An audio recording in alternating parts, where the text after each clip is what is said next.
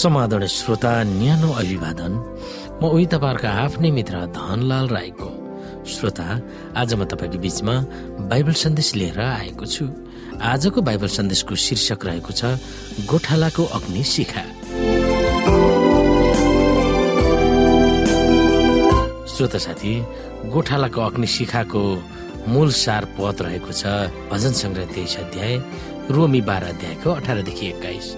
हामीले यसमा विशेष गरी सम्झाउनु पर्ने पद अथवा मेमोरी गर्नुपर्ने भर्स रहेको छ। भजन सङ्ग्रह तेइस अध्यायको तिन पद।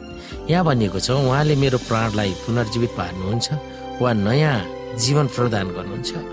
उहाँले आफ्नो नाउँ र महिमाको निम्ति मलाई धार्मिकताको मार्गमा डोर्याउनुहुन्छ। श्रोता साथी यहाँनिर एउटा छोटो कथा छ। युवती सोफी आफ्नो कोठाभित्र रुँदै जमिनमा लम्बसार परिन्। उनका आँखाहरू आँसु नै आँसुले भिजेका थिए। रुँदै रुँदै आफ्नो मर्म र भावना यसरी पोखाइन् होइन उसले मलाई यो कसरी गर्न सक्छ? मेरो बेइजत अपमान गर्ने आँट उसमा कसरी आउन सक्यो? सुफीले उनको हृदयलाई छिया छिया गर्ने सन्देश भर्खर पाएकी थिए। आफूले माया गरेको विश्वास गरेको र भर परेको व्यक्तिले उनको बारेमा आधारहीन गफहरू फैलाइरहेको थियो। उनको कामप्रति डाहा भएर उनको चरित्रमा नै हत्या गर्ने खालका झुटो आरोपहरू त्यस साथीले फैलाइरहेको थियो। अत्यन्तै निराश र उदास भएर ओछ्यानमा उनी लम्पसार परे। तर आफ्नो सिरानीनिर भएको बाइबल लिन र पल्टाउन थाले। अचानक उनलाई थाहा भएका पदहरूमा उनका आँखाहरू लगाउन थाले। उहाँले मेरो प्राणलाई पुनर्जीवित पार्नुहुन्छ। उहाँले आफ्नो नाउँको खातिर मलाई धार्मिकताको मार्गमा डोर्याउनुहुन्छ।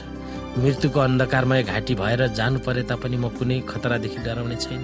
किनकि तपाईँ मेरो साथमा हुनुहुन्छ। तपाईँको लट्ठी र तपाईँको लौरो मलाई सान्त्वना दिन्छ। यो त मेरो लागि हुनै सक्दैन। उनी चिच्याउन थाले तर ती पदहरू उनको अगाडि आगोको ज्वाला जस्तै बलिरहेको थियो बाइबल भजन सङ्ग्रहको लेखकले गोठालोले आफ्नो लौरोले आफ्नो भेडाहरूलाई कुन ठिक बाटोमा हिँड्ने हो त्यसतिर डोर्याउँदै थियो। तर ती बाटोहरूमा हुरी बतास खस्रो ढुङ्गानी बाटोहरू भटखालाहरू थिए जहाँ भेडाले अलिकति मात्र भुल गरे पनि त्यसबाट खसेर सधैँको निम्ति नाश हुन्थ्यो आफ्नो साथीले दिएको दर्दनाक धोका र पीडा के सोफीको निम्ति अन्धकार घाँटी हुन सक्छ र के परमेश्वरले नै उनलाई त्यस खतरनाक बाटोमा लगिँदै कुन ठिक धार्मिक र असल बाटोमा हिँड्ने हो भनेर तालिम दिइरहनु भएको छ? श्रोत साथी हामी आफ्नै चाहना अनुसार चल्न पाएको समय ठिक दुःख कष्ट र कठिन परिस्थितिमा पनि आत्मिक जीवनको वृद्धि भएको अनुभव गर्नुपर्दछ। परमप्रभु मेरो गोठालो हुनुहुन्छ। मलाई केही कुराको अभाव हुँदैन भनेर भजन सङ्ग्रहको तेइस अध्यायले भन्दछ।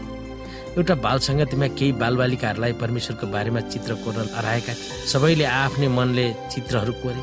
एकजनाले त एउटा चित्रको बिचमा मुटुको चित्र कोरेको थियो। किन भनेर सोद्धा प्रभु प्रेमिलो हुनुहुन्छ भनेर सबैको अगाडि त्यो सानो बालकले सुनाए। यो कस्तो बाल मैत्री सरल जवाब थियो। सबै कुरा ठिक ठिक र अनुकूल वातावरणमा प्रभुको बारेमा र उहाँका चाहनाहरूको बारेमा असल धारणाहरू राख्न सकिन्छ। तर जब हामी हुर्कदै जीवनमा सङ्घर्ष गर्दै जान्छौँ तब हाम्रो जीवन कठिन चुनौतीपूर्ण र जटिल पनि हुन गइरहेको हुन्छ। प्रभुप्रतिका हाम्रा धारणाहरूमा पनि आमूल परिवर्तन आउन सक्छ। तर यो याद राख्नु जरुरी छ हामी परिवर्तन हुन्छौँ तब तर प्रभु अपरिवर्तनीय हुनुहुन्छ। उहाँ कहिले पनि हेरफेर हुनुहुन्न। पौराणिक र आधुनिक इसरायलका गाउँ बस्तीहरूमा भेडा वस्तु आदि चराउने वातावरण तथा पर्यावरण भएको पाइन्छ। त्यसैलाई मध्यनजर राखेर कतिपयले भजन त्यसलाई मानिसहरूले आफ्नो ध्यान त्यसतर्फ गहिरो गरेर दिन्छन्। प्रभुले हामीलाई कसरी हेरचाह गर्नुहुन्छ भन्ने सन्देश त्यस भजनमा केलाएर नै व्याख्या गरिएको छ। पुरानो करारमा होस् या नयाँ करारमा होस् गोठालोलाई प्रभुको प्रतीकको रूपमा लिएको पाइन्छ। यसमा प्रभु परिवर्तन हुनुहुन्न भनेर पनि अचम्म तरिकाले उहाँको चित्रण गरेको पाइन्छ। यस अंशमा हामीले भजन तेइसलाई अलिकति निहालेर हेर्नेछौँ। तर त्योभन्दा अघि बाइबलका विभिन्न लेखकहरूले बाइबलभरि भएका गोठाला रूपी प्रभुको बारेमा कसरी चित्रण गरिएको छ सो केही हदमा हेर्नेछौँ। अरूहरू होइन तर प्रभु हाम्रो गोठाला हुनुहुन्छ भन्ने आत्मज्ञान प्राप्त गर्नु हाम्रो आत्मिक हितको निम्ति जरुरी ठान्नु आवश्यक छ।